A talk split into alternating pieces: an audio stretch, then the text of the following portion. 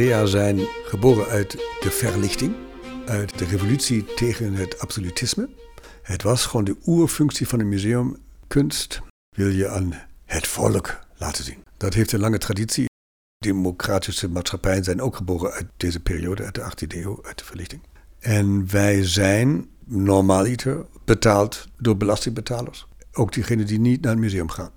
En we hebben, ook al zijn we zelfstandige stichtingen, natuurlijk wel een openbare opdracht. En wij werken eigenlijk namens een soort overheid. En wij zijn niet de eigenaren van een collectie, maar we beheren de collectie voor de maatschappij. Dus dat is een verplichting. Dan is het in mijn oog onvoldoende om te zeggen: Nou, ik vind het allemaal erg mooi en ik hang het op en jullie mogen komen of niet, maakt mij niks uit.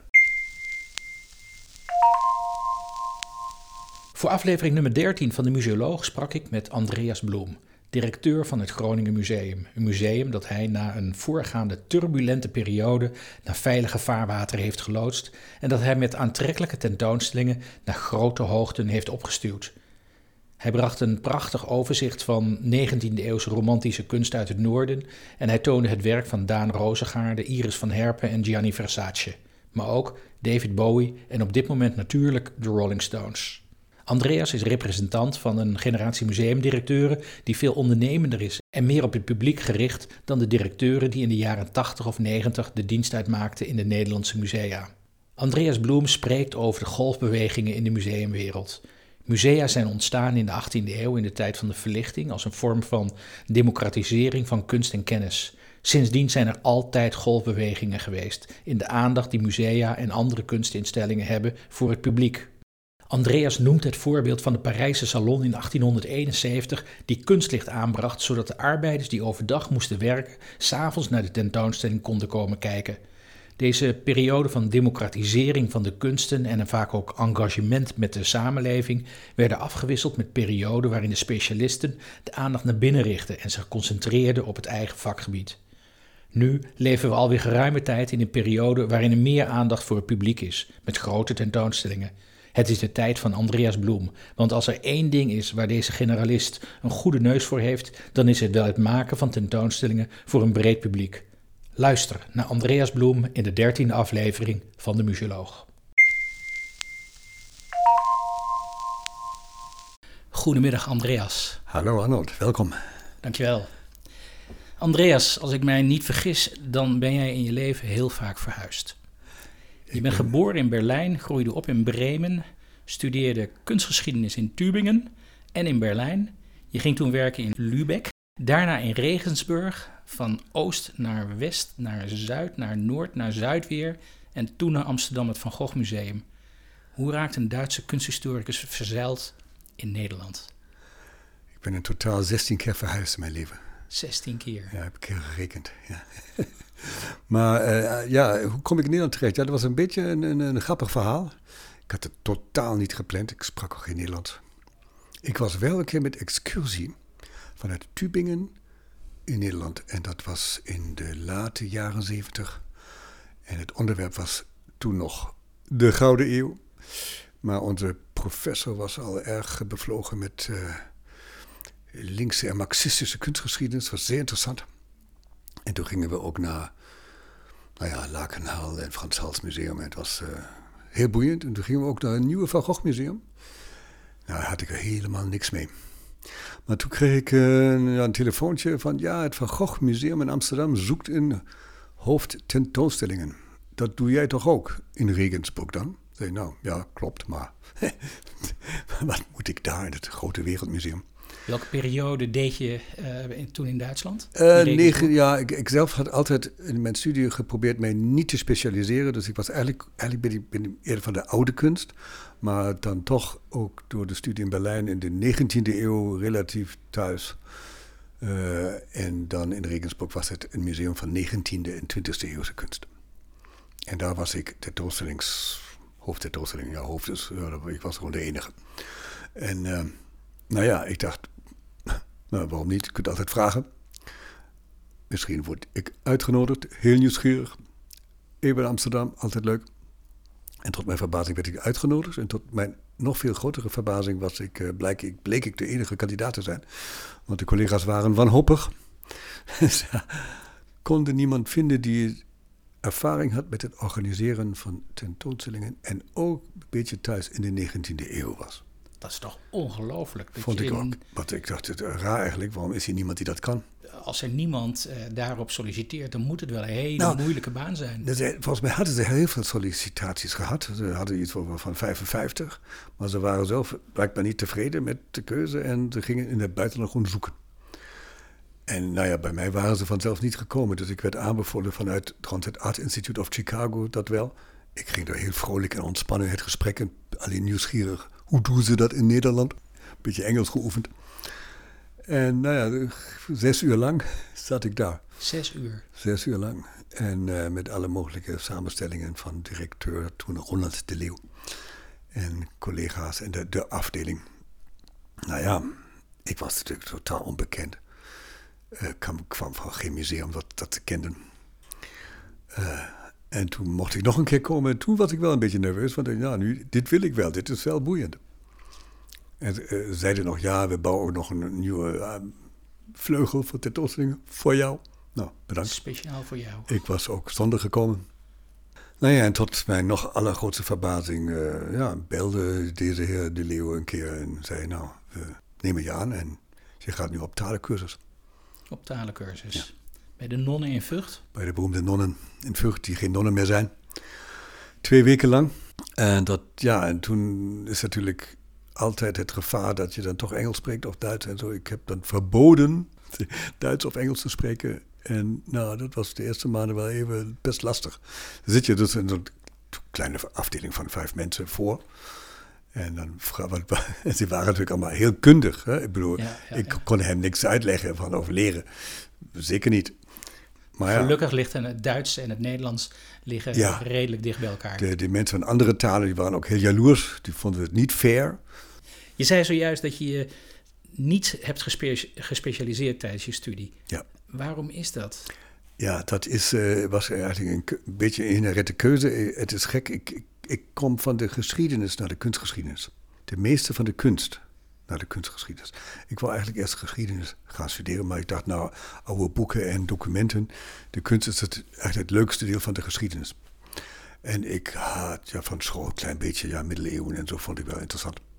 Dus ik deed op universiteit al die dingen die ik niet kon omdat ze nieuw waren. En toen ga je dan do- door de eeuwen heen.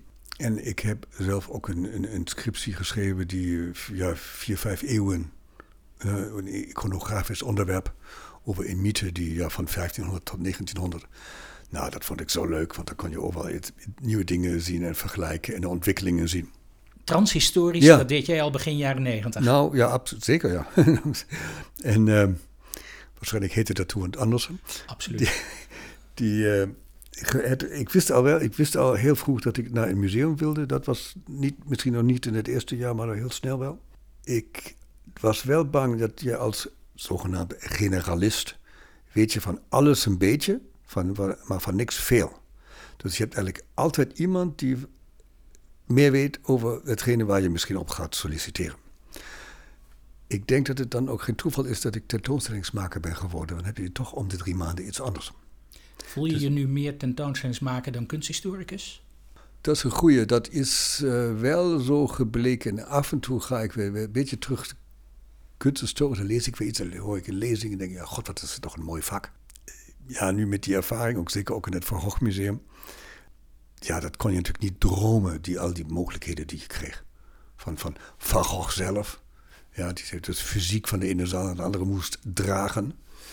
Tot eh, dingen over de dieren, over het licht, eh, over de maan. Over, ja, van, en nu hier in Groningen zit ik opeens met de Rolling Stones. Dus ja, Ja. dat is leuk.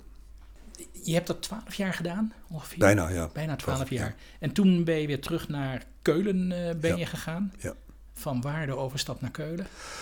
Nou, na zo'n jaar of tien denk je, oké, nu heb je alles een beetje gedaan, groot en klein. En de volgende stap zou eigenlijk de leiding van een museum zijn. En dan kan dat in Nederland, maar het kan ook in Duitsland. En toen begon ik zo nog niet echt actief te zoeken. Maar ik dacht, nou, als er iets komt, waar ik denk, hey, dat is interessant. En eigenlijk was Keulen, de, de collega, de, mijn voorganger in Keulen, die was in het Van Gogh Museum en sprak met eh, mijn directeur daar. En zei, ja, ik ga met pensioen, weet jij iemand? En hij, John Layton was dat, die zei dan tegen mij, Andreas, ik, ik had bezoek uit Keulen en die zei dat, maar ik heb jou niet genoemd, maar dat wil je waarschijnlijk niet. Ik zei, nou, Walraf Richardsmuseum, slechtste niet. Nee, het Walraf Richardsmuseum, dat, dat is, wel een... Ja, het heeft wel een klank en heeft een geweldige collectie. Verschrikkelijk gebouw, wist ik al, want ik was daar ook bij de opening geweest. En uh, ik kende daar ook wel mensen. En Keulen is een uh, ja, hele leuke stad. Uh, ik ben Noorderling in Bremen opgegroeid. Daar is Keulen heel anders. Dus in Nederland vergelijkbaar. Als je Groningen naar Maastricht gaat, dan is het als, zoals ik als iemand uit Bremen naar Keulen gaat. Qua gevoel. Maar het is uh, ja, hartstikke leuke stad. En ik dacht, nou, ik zou het zeker proberen. En gesolliciteerd en ik werd uh, aangenomen. En daar heb je een jaar of zeven heb je ja. daar gezeten. Wat heb je daar gedaan? Nou ja, leiding gegeven aan een museum uh, met een zeer bevlogen en kundige staf. Die wel, en dat was compleet anders dan natuurlijk in het Van Gogh en ook heel anders dan in, in Groningen. Iedereen klaagde en niet helemaal onterecht over geld uh, wat er niet was. En alles was ook een beetje vastgeroest. En qua presentatie, programma en richting publiek was, ja, er was wel educatie, alles was er wel, maar toch, ik denk, jongens, hier moet je wel, eigenlijk moet je hier alles anders doen. Toen zei ik, toen ik er kwam, ik heb, we doen drie dingen. A, praten we niet meer over geld, want we hebben het toch niet, dus daar hoef je niet over te spreken. Maar we gaan wel dingen doen die we sowieso doen, maar die doen we misschien een beetje beter. Of een beetje anders, richting meer opene, richting publieksvriendelijk. En de ambitie was, ik wilde graag met het museum het meest publieksvriendelijke kunstmuseum in Duitsland worden. Toen keken ze me ook af van, huh, ben je gek? Ik zei, nou, dat is helemaal zo moeilijk nog niet. Waarom vonden ze dat gek? Ja, zo'n ambitie, het meest publieksvriendelijk museum in Duitsland. Ja, hallo. Wat krijgen we nou? Je ja, moet maar, een beetje ambitie hebben. Ja, precies. Ja, maar het meest, ik zeg maar, met op de top 10 had ik ook kunnen zeggen. Ja, maar het is helemaal niet moeilijk, want de anderen doen ook niks. Dus uh, je hoeft niet zoveel te doen, dan ben je al. Ik overdrijf nu. Um, je had je ervaring in het Van Gogh Museum meegenomen. Ja, en ook, ook veel andere musea in de wereld. Door het Van Gogh kwam ik natuurlijk overal naartoe. Amerika, Engeland, Frankrijk. En daar heb ik ook heel veel dingen gezien. Uh, en dat, nou, die, die, dat idee is, uh, ga ik hier stelen en dan ga ik daar jatten en zo, overal. En de tweede ambitie was, ik wil het bezoekcijfer van het museum verdubbelen. En toen dacht ik, nu die is zo helemaal gek geworden. Ik zei, ja, jongens, als ik zeg 10% meer, dat is geen ambitie. Verdubbelen is echt zwaar. Maar dan moet je echt iets doen. Maar dan hebben we tenminste een schreven. En het cijfer is ook natuurlijk niet het doel. Het cijfer, wat je wilt, dat mensen komen herhaaldelijk komen en lang blijven. Eigenlijk wil je dat het, de duur van het verblijven in het museum, die wil je verlengen. Ja. Als je dat bereikt, dan bereik je eigenlijk ook een hogere bezoekscijfer. Want dan is het leuk, dan blijven ze lang en gaan ze vertellen, oh, dit was leuk. Als ze dan een half uur weggaan, nou, jammer. En dat is gelukt ook. We hebben beide doelstellingen zijn gelukt? Ja, ze zijn nou, die, met die publieks, publieksvriendelijke. Ja, de, de, grote concurrent was het Stedel Museum in Frankfurt. Dat is dan toch volgens mij niet gelukt, maar die hadden, hebben ook hele andere middelen. Maar dat was een beetje de, de, de, de benchmark. geld praten, dat. ja, precies. en die, maar we hebben dan workshops gemaakt, teksten schrijven, zaal, eh, objectteksten, zaalteksten. We hebben nieuwe verf, nieuwe gangen en teksten. En dan zeer journalistiek met een headline. Daar stond dus niet meer Rembrandt zelfportret. Nee, compleet iets anders. En dan die informatie over, die stond eronder. Dus met die headline, met die kopregel en die tekst. En die moest dan boeiend zijn, dat mensen echt lezen. Maar dan door het lezen beter kijken. En niet schrijven, links staat een boom, rechts staat een koe. Hm, klopt. Nee, je moet echt ook een beetje prikkelen. Zodat ze gaan zoeken misschien zelfs. Of zelfs vragen stellen aan het publiek sommige conservatoren dachten, nou, nou, dat is zo. En later waren ze enthousiast en schreven de mooiste dingen. Voor deel kun je die nu nog allemaal nog lezen. En in het gast... allemaal naar Keulen om de teksten te lezen. in, in, het gastenboek las je dan van, oh ja, leuke teksten. En heel af en toe een kritische tekst van die slechte tekst van een of andere professor, dokter, dokter in de kunstgeschiedenis. nou, oké dus je had het heel goed voor elkaar in uh, Keulen. De bezoekcijfers waren verdubbeld. Jullie waren een veel aantrekkelijker museum geworden. Er werd niet meer gesproken over, uh, over geld. En dan ga je weer een hele wonderlijke sprong ga je maken en dan ga je naar Groningen. Een prachtig museum, een, uh, een geweldig museum, een hele mooie collectie, mooie geschiedenis. Maar ook een museum dat op dat moment ook zo zijn problemen kende. Ja.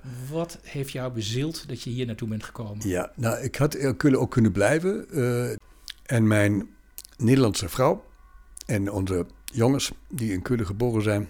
En we dachten daar misschien als we naar school gaan, kijken of we teruggaan naar Nederland. Maar als er iets op het pad komt, dan ga ik wel even vragen. Dat heb ik ook één, twee keer gedaan, zonder succes. Toen kwam Groningen. En toen dacht ik, Groningen, ja, dat is wel gek. Dat kende ik natuurlijk. Ik was ook bij de opening van dit gebouw. En ik had natuurlijk ook alles gelezen over het museum. En af en toe was, uh, las je ook over ja, dat het een beetje crisis was. En je moet natuurlijk altijd ergens beginnen waar het slecht is. Net als bij voetbal, hè? je moet altijd de degradatiekandidaat overnemen. Het kan alleen maar beter, hoef je niet zoveel te doen. Als je de kampioen overneemt, dan verwacht iedereen dat je weer kampioen wordt. Dus er was crisis. Ik dacht, nou, ik ga het zeker proberen, want het is zo'n leuk museum. En het is een beetje terug naar mijn museum Roots, waar ik in Lübeck was uh, begonnen. Daar had je ook van de middeleeuwen tot heden. Alles, gebouwen. Gewoon een, lokale collectie met af en toe internationale dingen.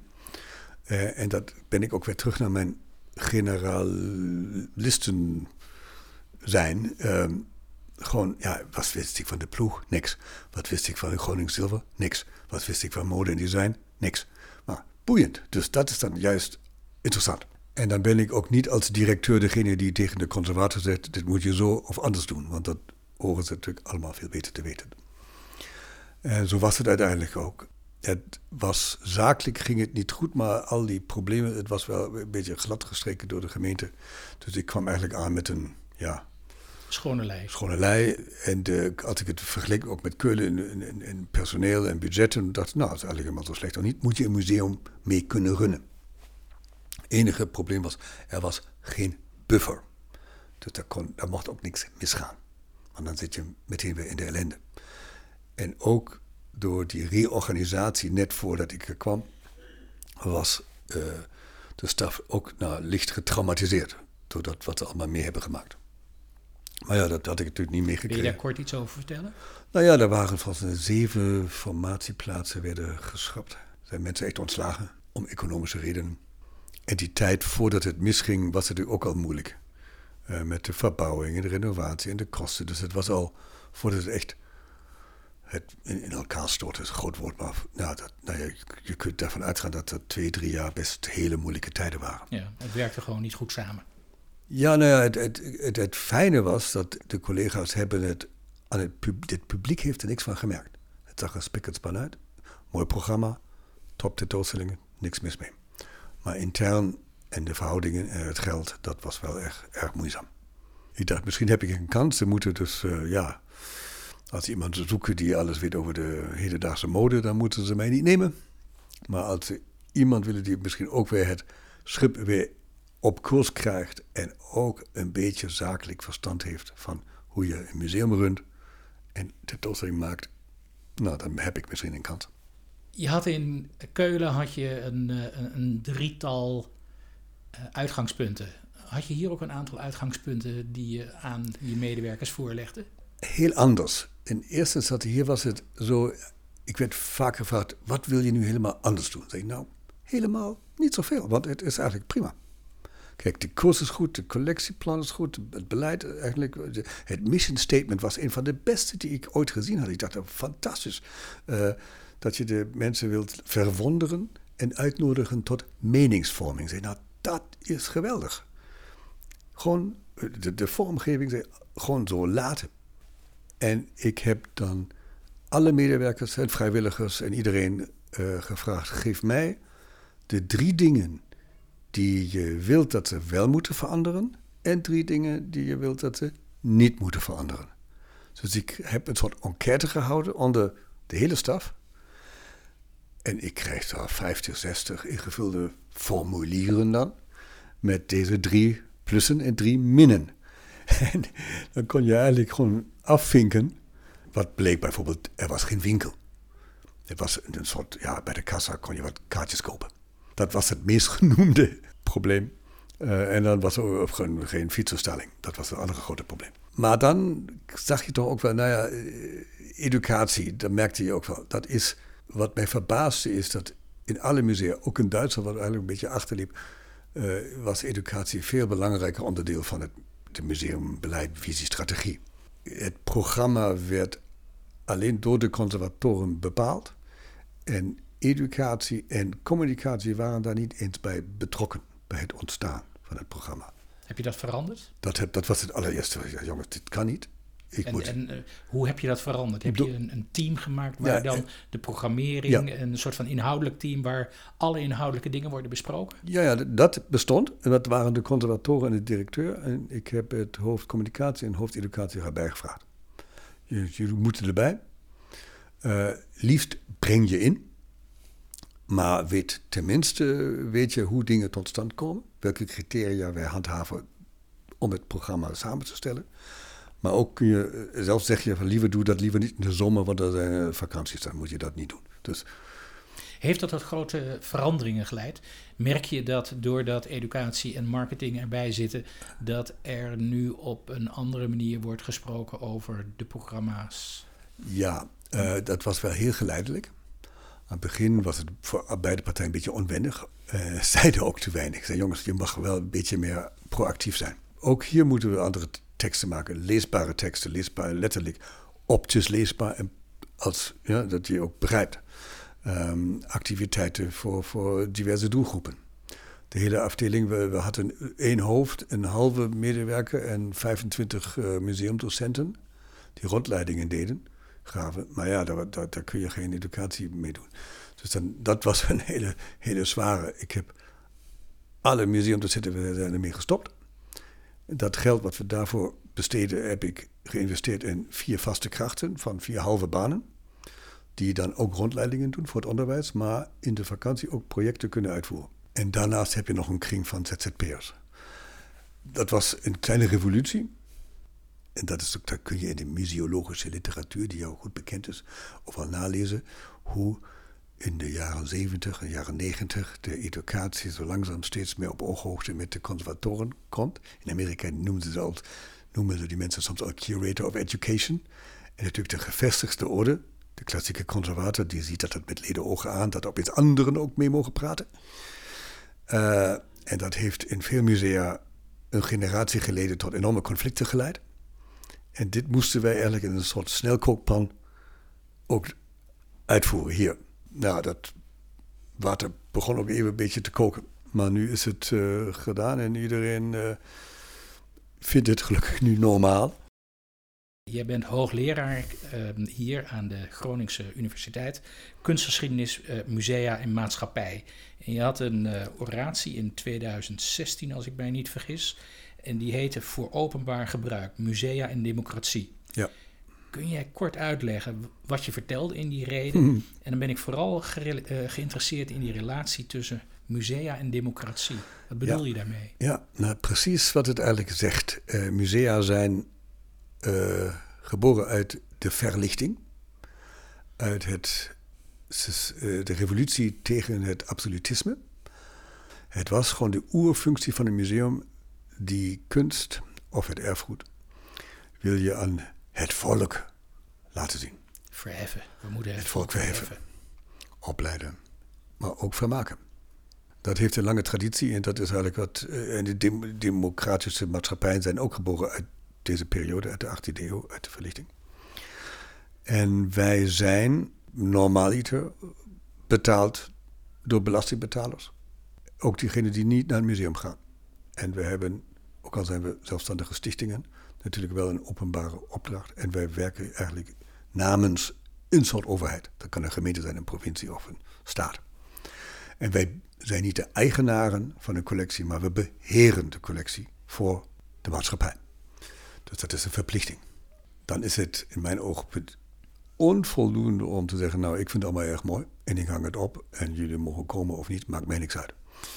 Nee, de verplichting is wel keuzes te maken wat je bewaart eh, hoe je het bewaart.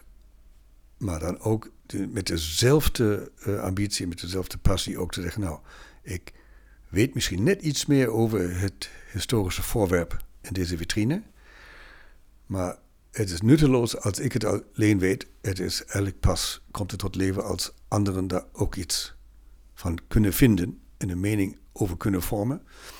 Of het mooi vinden of het zich daardoor laten inspireren. Dat is de oerfunctie van elk museum. En dat is gewoon onlosmakelijk verbonden aan de democratie. Het museum komt voort uit de 18e eeuw, uit het 18e eeuwse verlichtingsdenken. Vrijheid, gelijkheid, broederschap, eh, denk ik dan maar gelijk aan. En qua gelijkheid en broederschap betekent dus ook dat we onze schatten aan het volk moeten laten zien en dat we de mensen daarmee verder eh, moeten, moeten gaan brengen. Maar in de loop der tijd zijn het toch altijd de professionals die het dan weer gaan overnemen. Hè? De mensen die er het meeste van af weten. En die zich op een of andere manier steeds meer op die kunst gaan richten. En die dan toch die samenleving een beetje uit het oog verliezen. In wat voor tijd leven we nu? Dat gaat inderdaad in golfbewegingen. Het is heel curieus om te lezen dat, ook zeker al, begin, al, in de 18e eeuw, het Louvre gaat open en iedereen komt en ze komen ook. En dan komt ook meteen de kritiek van, oh wacht eens even, ze gedragen zich niet. In Engeland dan heb je dan ook reisverslagen, dan gaan ze dan naar de kinderen leren lopen, omdat het natuurlijk een houten pakketvloer was, het makkelijker. Dat was het museum niet voor bedoeld. Of er zijn mensen die gaan dan picknicken midden op zaal. En nou ja, toen, hé, hé, hé, zo was, dat was de bedoeling niet. En dan heb je, dat kun je bijna aan de revoluties zeg maar, van 1848, van 1871, van 1918 koppelen. Uh, heb je ook op dat gebied, op cultureel gebied, op het gebied van ik wil mijn, het volk laten participeren of meer laten leven. Uh, in Engeland was vroeger altijd elke Labour-regering, het eerste wat ze deden was uh, vrije toegang voor musea. En dat was een keer, meerdere keer achter elkaar, dat de Labour als eerste handeling op dag één musea gratis. In 1871, dat je zeg maar ook het, in, in Frankrijk, hebben ze de salon laten verlichten, elektrisch om de arbeiders die normaal s'avonds niet kunnen komen, omdat het museum dan dicht is, ook de kans te geven om de kunst te bekijken. Dus zo heb je die beweging. En dan natuurlijk in, onze tijd, in ja, eind jaren 60, jaren 70, had je zo'n impuls van volksverheffing, educatief, uh, participatief te werken. En op dit moment, in de laatste, denk ik, 15, misschien al langer, is er weer ook een, duidelijke beweging richting publiek heel veel dingen waar ik met sommige collega's nog over heb moeten discussiëren. Of we waren het over eens dat er iets moet veranderen. Of er waren mensen die vonden het allemaal niks. En dat ik nu kijk, uh, dat is zeg maar de zegen van het ouder worden, is denk je, hey, heel veel dingen waar we nog voor moesten strijden, zijn nu normaal. Tegelijkertijd denk ik dat de het niet alleen maar golfbewegingen zijn uh, tussen, nou ja, ik, ik maar zeggen, het vakgebied aan de ene kant en het publiek aan de andere kant. Ik heb het gevoel dat de golfbeweging op dit moment wat, wat sterker aan het uitslaan is. Als je nu gaat kijken, um, een jaar of drie geleden is er een enorme discussie geweest over de uh, museumdefinitie. De definitie zoals de ICOM, de International Council of Museums, die uh, gebruikt. In 2019 was er een uh, grote conferentie in Kyoto. En daar zijn ze het niet eens geworden met elkaar.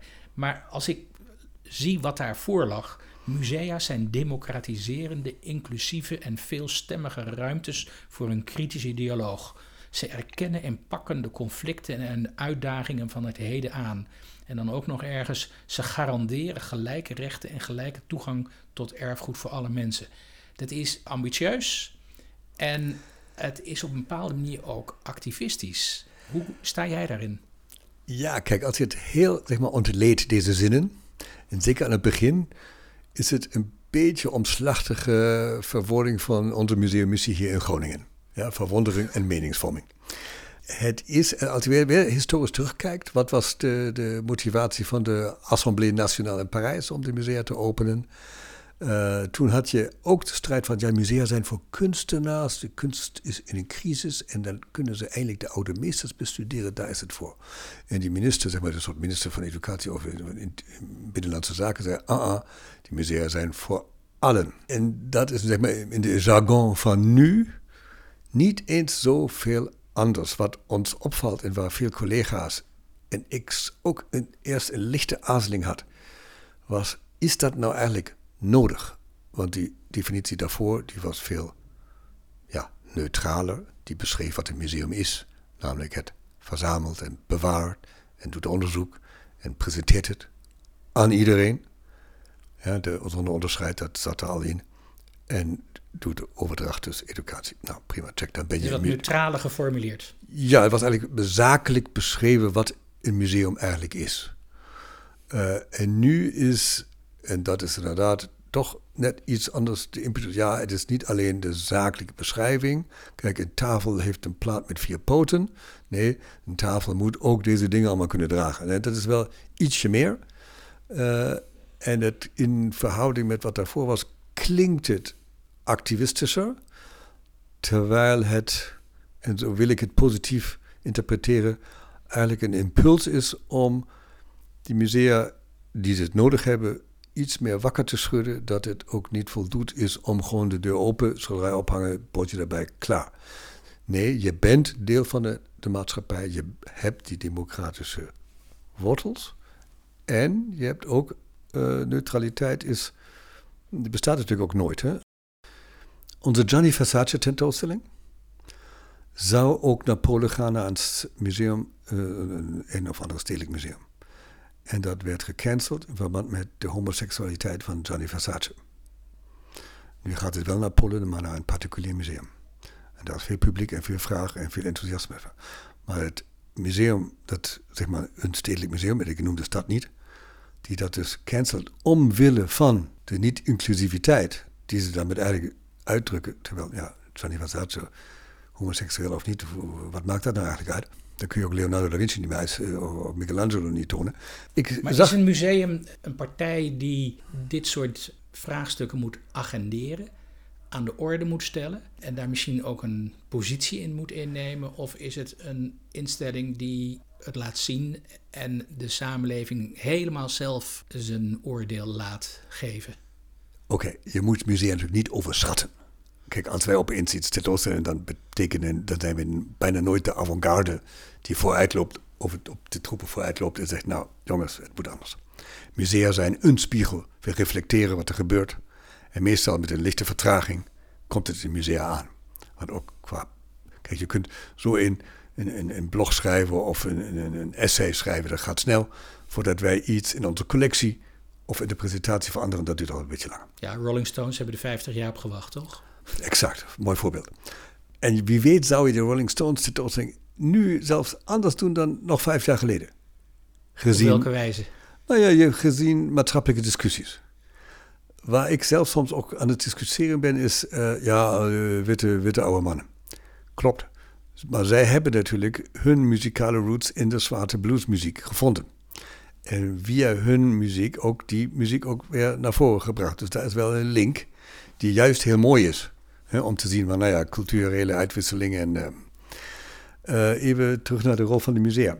Neutraal, ook als je, als je niks doet, neem je ook partij. Want het interesseert mij niet, of daar ga ik niet over. Hoe dan ook, ga je toch een positie innemen. En, en nu is het bijna ook te laat. Stel, je doet een Rembrandt-tentoonstelling. En dat gebeurt natuurlijk permanent ook. Tentoonstelling over 17e eeuwse kunst. Inmiddels zijn we zover met het onderzoek over kolonialisme en slavernijverleden... dat je niet meer ontkomt om dat aspect tenminste mee te nemen. Ik vind ook, je kunt alles overdrijven. Je moet ook niet alleen maar en alleen maar over dit onderwerp en alles daarop terugbrengen. Dat is onzin. Dat is ook historisch niet legitiem. Maar je kunt het ook nu, je hebt, de point of no return is bereikt. Je kunt het ook niet meer niet zeggen. En dat geldt ook voor, zeg maar, dat is een beetje, een beetje Kyoto, dat is eigenlijk een reflex van de discussie. En die Kyoto-definitie die is eigenlijk het resultaat van 10, 20 jaar discussie over wat een museum eigenlijk zou moeten zijn in de maatschappij om een, die rol te vervullen die musea hebben. In de afgelopen tijd hebben jullie als uh, Groningen Museum ook kritiek gehad van activisten dat het museum gesponsord wordt, tot stand is gekomen zelfs, uh, mede dankzij uh, de Gasunie. Wat vind je van die kritiek? Is die terecht? Die kritiek is terecht of niet terecht, dat is even, dan kom ik straks op terug, dat is, zeker begrijpelijk.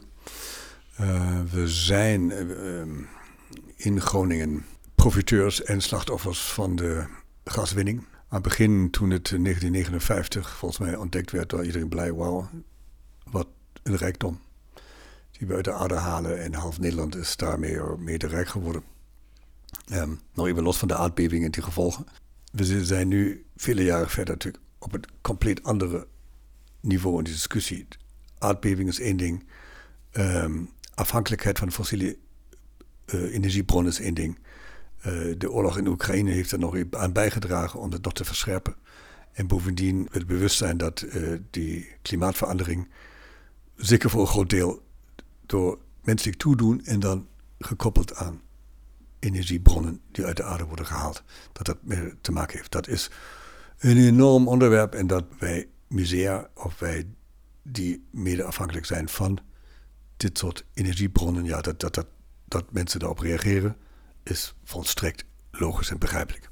Nu ligt het in Groningen toch een klein beetje anders, beweer ik tenminste. Want 30 jaar geleden werd het museum gesponsord door de Gasunie. Toen was die discussie in de breedte er nog niet. Dat kun je ook niet meer terugdraaien. Het museum is En, en de, de Gasunie is een van de grote bedrijven in het noorden. En die traditie dat ze ons blijven helpen, nou, die, is, die gaat door. Eh, waar wij allemaal dankbaar voor waren en nog steeds zijn. De Gasunie zelf is een staatsbedrijf, 100%. Dus ligt verantwoordelijkheid af aan de staat, aan de overheid, parlement, Tweede Kamer. En is feite eh, de beheerder van het leidingennet van gasleidingen. Nu wordt in Groningen geen gas meer uit de bodem gehaald. Nu moet je het wel inkopen, want veel mensen zijn nog afhankelijk van gas. Dat willen we allemaal terugbrengen en liefst zo snel mogelijk. Zonder dat daar een nou ja, armoede ontstaat. Je, je moet er voorzichtig mee omgaan, maar liefst zo compleet en zo snel mogelijk. Hoe kun je het bereiken? Ja, door technologie, uh, duurzame energie, die duurzame energie uh, gebruiken om bijvoorbeeld waterstof, klimaat, klimaatneutraal waterstof te produceren, die je weer kunt gebruiken voor verwarming, vervoer, weet ik veel. En daar is de gasunie een beetje koploper in. Jullie hebben een, uh, een gesprek gehad met uh, activisten en met uh, de Gasunie en het museum. Ja. Zijn de Gasunie, het museum en de activisten wat nader tot elkaar gekomen daar? Niet echt. dat was wel een beetje de hoop en de insteek, ook van de moderatoren van dit gesprek. In mijn oog is die, die activisten zijn in hun denken dan eigenlijk te eenzijdig, te radicaal. In plaats van, dat was een beetje de oproep van mij, van laten wij samen werken aan de energietransitie. Want dat willen wij. Ik ben geen techneut, ik ben geen ingenieur. Wij als kunstinstelling, als museum werken aan de verduurzaming van alles wat wij doen. Dus we proberen daar onze carbon footprint ook te verkleinen. Wij werken samen met de Gasunie. We gaan heel goed kijken wat ze doen. We zijn met hen in goede gesprekken. De mensen van de Gasunie weten ook exact waar het over gaat. En weet, willen hetzelfde. Maar ze realiseren natuurlijk ook dat de mensen, de huishoudens, vaak nog op gas ja, stoken. Dus hoe kun je die mensen, die gebruikers, helpen? En hoe kun je de technologie zo ver krijgen dat we zo steeds minder aardgas nodig hebben? En dat kunnen zij als geen ander bewerkstelligen. Je vertelde me dat jullie vorig jaar deelnamen aan een grote manifestatie over het koloniale verleden. En dat dat een grote eye-opener was voor het museum. Kun je daar iets over vertellen? Ja, dat was eigenlijk best een uh, mooi verhaal. Er is een uh, gidsje geschreven uh, door Barbara Henkes en nog iemand. sporen van het slavernijverleden in Groningen. Zo'n soort wandelroute. En dan hebben heel veel Groningers, maar zeker ook buiten Groningen. Ja, Groningen en koloniaal verleden. Hoezo dan? Dat was toch allemaal in Amsterdam, Rotterdam, weet ik veel. Maar ja, het, toen door haar onderzoek bleek al dat het uh, niet zo is. Dat Groningen uh, in de VOC, in de WIC, een heel grote belangrijke rol heeft gespeeld. En ook een grote profiteur was van slavenhandel. En dat kun je terugzien in de stad. In gebouwen, in namen, in, ook in kunstwerken. En zij kwam bij ons en zei, is het niet van het Groningen Museum ook, want we zijn ook het historische museum een, een, mooi onderwerp om dat te doen. En dachten we, ja, natuurlijk, een fantastisch onderwerp, moeten we zeker doen, maar er zijn niet zoveel objecten. En het is toch zonde als we daar zo een zaaltje met tien objecten die we misschien kunnen vinden. Ja, dat is toch eigenlijk veel te belangrijk. Toen zijn we begonnen met de andere musea in eerste instantie in de stad te praten van het Scheepvaartmuseum, het Universiteitsmuseum. We hebben de nalatenschap veel van Petrus Kamper, in dit context zeer belangrijk. Scheepvaartmuseum natuurlijk sowieso. Uh, misschien kunnen we samen een tentoonstelling maken waar iedereen een hoofdstuk doet. Ja, toen werden we vier, toen waren we zes. Uiteindelijk waren we ongeveer 48 instellingen in de provincie Groningen die meededen. Niet alleen maar musea, ook theaters en lezingen. Maar uiteindelijk heel mooi, omdat wij. Uh, iedere instelling heeft iets geleerd. We hebben gezamenlijk nieuwe netwerken opgebouwd met elkaar. Uh, we hebben geprobeerd die organisatie, die natuurlijk allemaal vaak door ja, witte mensen geleide instellingen waren, te koppelen aan betrokkenen of nazaten, zodat wij altijd een reflex hadden. En eigenlijk hebben we niet een adviesgroep, maar een stuurgroep ingericht, zodat wij aan die groep uh, experts en betrokkenen hebben we gepresenteerd waar wij mee bezig waren. En die moesten dan erop reageren of zeggen, nou dit kan niet, dit kan wel, of je, dit ben je vergeten. En zo hebben wij ja, deze ja, soort panorama en tentoonstellingen en lezingen en presentaties uh, gemaakt. En kregen dan ook bezoek uit de Randstad, het Westen. Het Westen, het Westen, hier wordt genoemd. Die met, met, met grote, met ook enthousiasme, maar ook met verbijstering keken hoe, wat in Groningen A mogelijk was. En dan uh, misschien ook in de geest van het Noorden uh, met een bepaalde nuchterheid zonder te zeggen, ja, jullie zijn boos en wij waren goed en jullie en zo en dit is allemaal slecht. Nee, gewoon het is onze gemeenschappelijk, ons, ons verleden. Wij allemaal, waar we ook allemaal vandaan komen, uh, dit hoort bij ons verleden. We gaan natuurlijk ook in onze vaste collectie. We hebben dingen gezien die eigenlijk toen al niet door de burger konden. Die gaan we nu veranderen. Die gaan we in de. Kun je een voorbeeld noemen? Nou ja, eh, titels van schilderijen waar je dan altijd moet kijken, nou, wat is het historische titel, hoe ga je daarmee om? Uh, daar zijn van andere musea, dat is een hele mooie over um, Words Matter, die, die gids is uh, heel handig. Die hebben we ook uh, gebruikt. En onze nieuwe conservator geschiedenis is de slavernij-expert van het Noorden. Wat ons natuurlijk dan wel weer een beetje verbaasde is, we wachten ook bewust af de slavernij in het Rijksmuseum. Mm Dat we, gaan we even kijken hoe zij dat doen. Ja, twee jaar geleden was die. Ja, of heel goed, daar leren we iets van. Of heel slecht, daar leren we nog meer van. Of ergens in de tussen. Dus dat hebben we allemaal bekeken. Dachten, nou, dit is geweldig, dit is interessant. Maar dit Wat heb je ervan geleerd? Ah, hoe. Nou, dat is, was mooi. Want dat was ook een tentoonstelling waar maar heel weinig objecten eigenlijk stonden. Ja, misschien dat er hier in het noorden weinig objecten te vinden zijn. Maar het bleek dat ook in Amsterdam er toch weinig objecten uh, waren. En, dat ze daar toch een goed of een boeiend verhaal mee konden vertellen. Ja, het gekke was, uh, hadden zij een beetje meer gevraagd, dan hadden ze natuurlijk bij ons ook heel veel objecten kunnen vinden. Maar dat, we hadden een zaal met zes, acht schilderijen met zwarte mensen als bedienden, anoniem. Ja, dat, daar had je een zaal in het Rijksmeer kunnen vullen alleen uit Groningen. Uh, maar dat wisten ze niet. Ik vond die tentoonstelling bijna te mooi ingericht. Uh, de verhalen waren zeer confronterend, maar ik vond het. Uh, ik had het gevoel, het was fouten vermijden. Ja, het is een moeilijk onderwerp, maar je wilt echt. maar wat bedoel je daarmee, fouten vermijden? ja, het was. Dat ik vond ze het. daardoor juist ook de moeilijke zaken uit de weg gingen? Ja, tenminste, ze hebben het allemaal wel genoemd, beschreven. Maar de presentatie vond ik nuchter en afstandelijk. En wat gaan jullie er nu mee doen in Groningen? Ja, we gaan in, onze, in, in de aankomende eh, nieuwe presentatie van onze vaste collectie. Gaat uh, dit aspect uh, ook door de eeuwen heen. kreeg natuurlijk een rol die belangrijker is dan het was. Het was daarvoor gewoon heel niet. Toen hebben we dingen uitgelicht. En nu wordt het geïntegreerd in het verhaal. Inclusie, diversiteit, dat is een veel koppig eh, begrip eigenlijk. Hè. Je kunt het uh, bekijken in uh, de achtergrond, afkomst van uh, verschillende mensen. Je kunt het hebben over, over gender. maar je kunt het ook hebben over jong en oud. wat je ziet in veel musea op dit moment is dat veel meer jonge mensen komen. Eigenlijk een beetje sinds die corona-pandemie. is dat hier ook? Ja, dat is zeker hier ook zo. Hoe Ehm, komt dat? Aan het begin bij corona was het zo dat oudere mensen durfden gewoon niet meer de trein in. Mensen bleven ook dichter bij huis.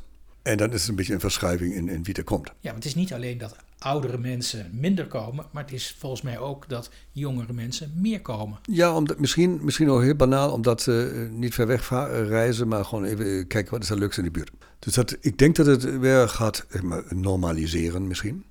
Eh, wat je, wat, toen hadden we na de pandemie of aan het einde eh, meteen een tentoonstelling die ook voor een jongere doelgroep eh, nou, bijna bedoeld was, namelijk JR. Die Franse straatkunstenaar. En, Dat was ook, dat werk, dan merkte je ook duidelijk een ander publiek die daarop afkwam. Daar, daar moet je in de programmering, moet je, nou, inclusief, dus moet niemand, niemand uitsluiten, ook de oude mensen zeker niet. Maar je moet proberen dat je dat ja, gewoon afstemt dat nou, iedereen zich toch wel geïnteresseerd voelt. Maar ja, het, maar het klopt. En we hebben nu ook een, een, een, jonge club eh, opgericht. Andere musea hadden dat al eerder. En je ziet bij jonge mensen een groot enthousiasme. Wat ik heel grappig vind is dat Versace, Rolling Stones, dat het veel jonge mensen... Uh, Hypnosis hadden wij gehad, de platenhoezen uit de jaren 70, 80. Dat spreekt jonge mensen enorm aan. Dat is anders dan in mijn jeugd. Dat vonden we natuurlijk allemaal niks interessant wat de ouders deden. En nu zie je, of dat lees je ook overal, dat uh, de tieners en de twintigers gewoon de muziek van de ouders uh, ja, kennen en enthousiast zijn. Andreas, als er over twintig jaar iemand een scriptie schrijft over jouw tijd als directeur hier van het Groningen Museum, hoe wil je dan herinnerd worden? dat is lastig. Het is een episode natuurlijk uh, uh, niet te vergelijken met een Frans Sachs die dit ding hier neer heeft gezet. Daar zijn we allemaal schatplichtig aan. Nou ja, als ze dan zeggen, oké, okay, het museum is er blijven staan uh, in die periode, dan ben ik al tevreden. Het is niet weg. Het is niet in het uh, verbindingskanaal weggezonken. Het is niet door een aardbeving kapot. Um, het is een goede staat. Er zijn leuke dingen gebeurd. Er maar zijn leuke dingen gebeurd. Interessante tentoonstelling, maar die zal natuurlijk dan niemand meer herinneren. Ja, zo. Dankjewel, Andreas. Dit was aflevering 13 van de Museoloog. Tot over twee weken. Thank you.